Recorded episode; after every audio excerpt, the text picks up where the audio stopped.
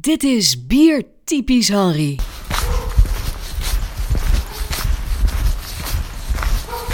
Welkom bij een nieuwe aflevering van Bier Typisch Henry. Een bijzondere aflevering en wel om twee redenen. Ten eerste omdat we afreizen naar het klooster in Zundert om van broeder Christian het een en ander te horen over het biertype quadrupel. Maar voor mij eigenlijk nog wel bijzonderder omdat Sandra van Berkem, die de jingles voor deze podcast heeft ingesproken, niet meer onder ons is.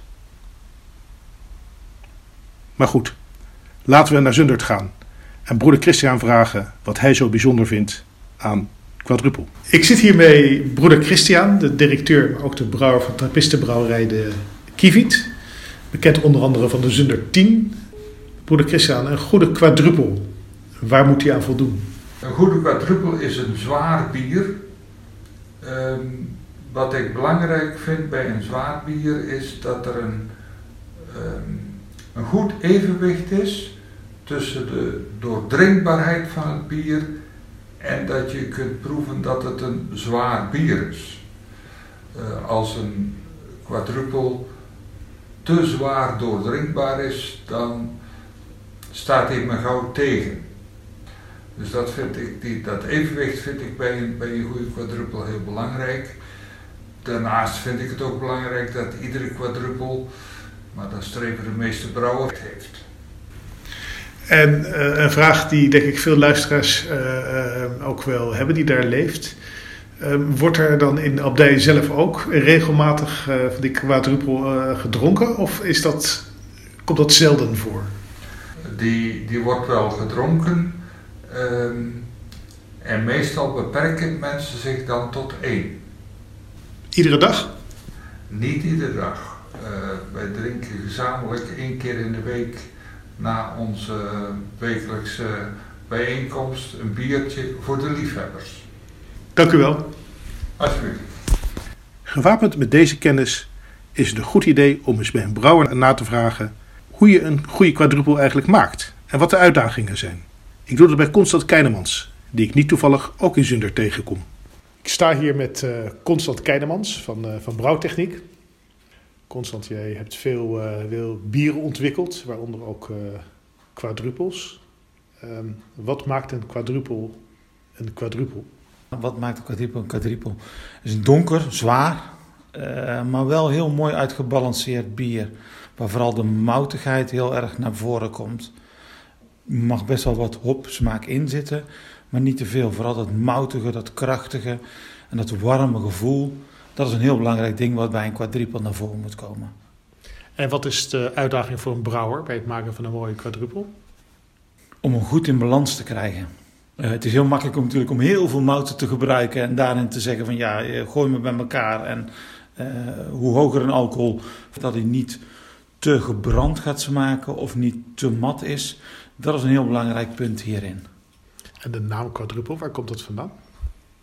Ja, waar komt quadruppel vandaan? Uh, als eerste was volgens mij Koningshoeve Latrap daarmee, uh, die daarmee uh, maar kwam. Ja, je hebt in, in het trappisten of in, de, in het abdijgebeuren heb je een enkel, dubbel en trippel. En daar kwam Koningshoeve met een quadruppel overheen. Dus vier keer de hoeveelheid aan grondstof.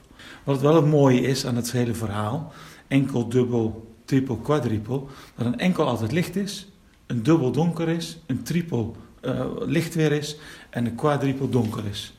Maar zou je ook een blonde quadruple kunnen maken? Alles kan. Maar dan moet je met zoveel andere smaken gaan goochelen. Dankjewel. Zo, hiermee is al een boel duidelijk over quadruple. Maar ik zit nog wel met een paar vragen. En voor die vragen ga ik naar een echte biersommelier, Bas Schampers. Bekend van de Bourgondische Bierkelder en van Biertalent. Ik zit hier met uh, Bas Schampers van de Bourgondische Bierkelder. Uh, en ook uh, een van de initiatiefnemers van Biertalent natuurlijk. Bas, wat is het verschil tussen een gerstewijn en een quadruppel? Het verschil tussen een gerstewijn en een quadruppel. Je wil vast een heel kort antwoord. Heel, heel kort gezegd, eigenlijk is quadruppel gewoon de naam van een bier. La Trappe heeft in 91 wilde zijn feestelijk bier op de markt brengen. En zij dachten, wij noemen dat bier wat wij nu op de markt brengen quadruppel. In de traditie van dubbel, trippel en opvolgend quadruppel. En wat zij eigenlijk toen de tijd hebben gedaan, is een gerstewijn gebrouwen. Ehm, en daarmee hun eigen handtekening van de Belgische gist, hun eigen gi- gist, dus een soort Belgisch gistkarakter aan een gerstewijn gegeven. Dus als mensen mij vragen wat, wat is het verschil, dan kun je zeggen dat een quadruppel een gerstewijn is die dat gist heeft. Maar lang niet alle gerstewijnen ook een quadruppel zijn. Omdat het eh, nou ja, ook eh, hele andere kanten op kan met, eh, met, met andere hoppen en wat klassieker Engelse stijl gerstewijn. Want gerstewijn is natuurlijk oorspronkelijk Engels. En, en wat is een gerstewijn dan? Nou, gerstewijn werd gebrouwen als tegenhanger van de wijn. Een goedkopere variant van, eh, van, van wijn, wat ze, wat ze op de markt wilden brengen. Dus eigenlijk zwaar wel het volmondige karakter van wijn, maar dan bier. Oké, en dan een quadruppel is dus eigenlijk een soort. Dus iedere quadruppel is een gerstewijn, maar niet iedere gerstewijn is een je Dat zou zo je, eh, ja, ja, dat kun je zo zeggen. En La Trappe is daarmee begonnen. Ja. Eh, is het inmiddels een biertype? Ja, ik denk het, denk het wel. En misschien is dat eigenlijk wel gewoon een heel groot compliment richting La Trappe. Dat je een bier op de markt brengt en dat andere brouwers dat over, eh, overnemen. Zoals dat eigenlijk met veel meer bieren en biertypes natuurlijk gebeurt. Anderen zijn daar fan van en denken, zoiets wil ik ook brouwen. En in één keer is het een biertype. Super, dankjewel. Alsjeblieft. En dan realiseer ik me dat ik een belangrijke vraag aan Bas nog niet gesteld heb. Want in de Bourgondische bierkelder laat hij bieren rijpen.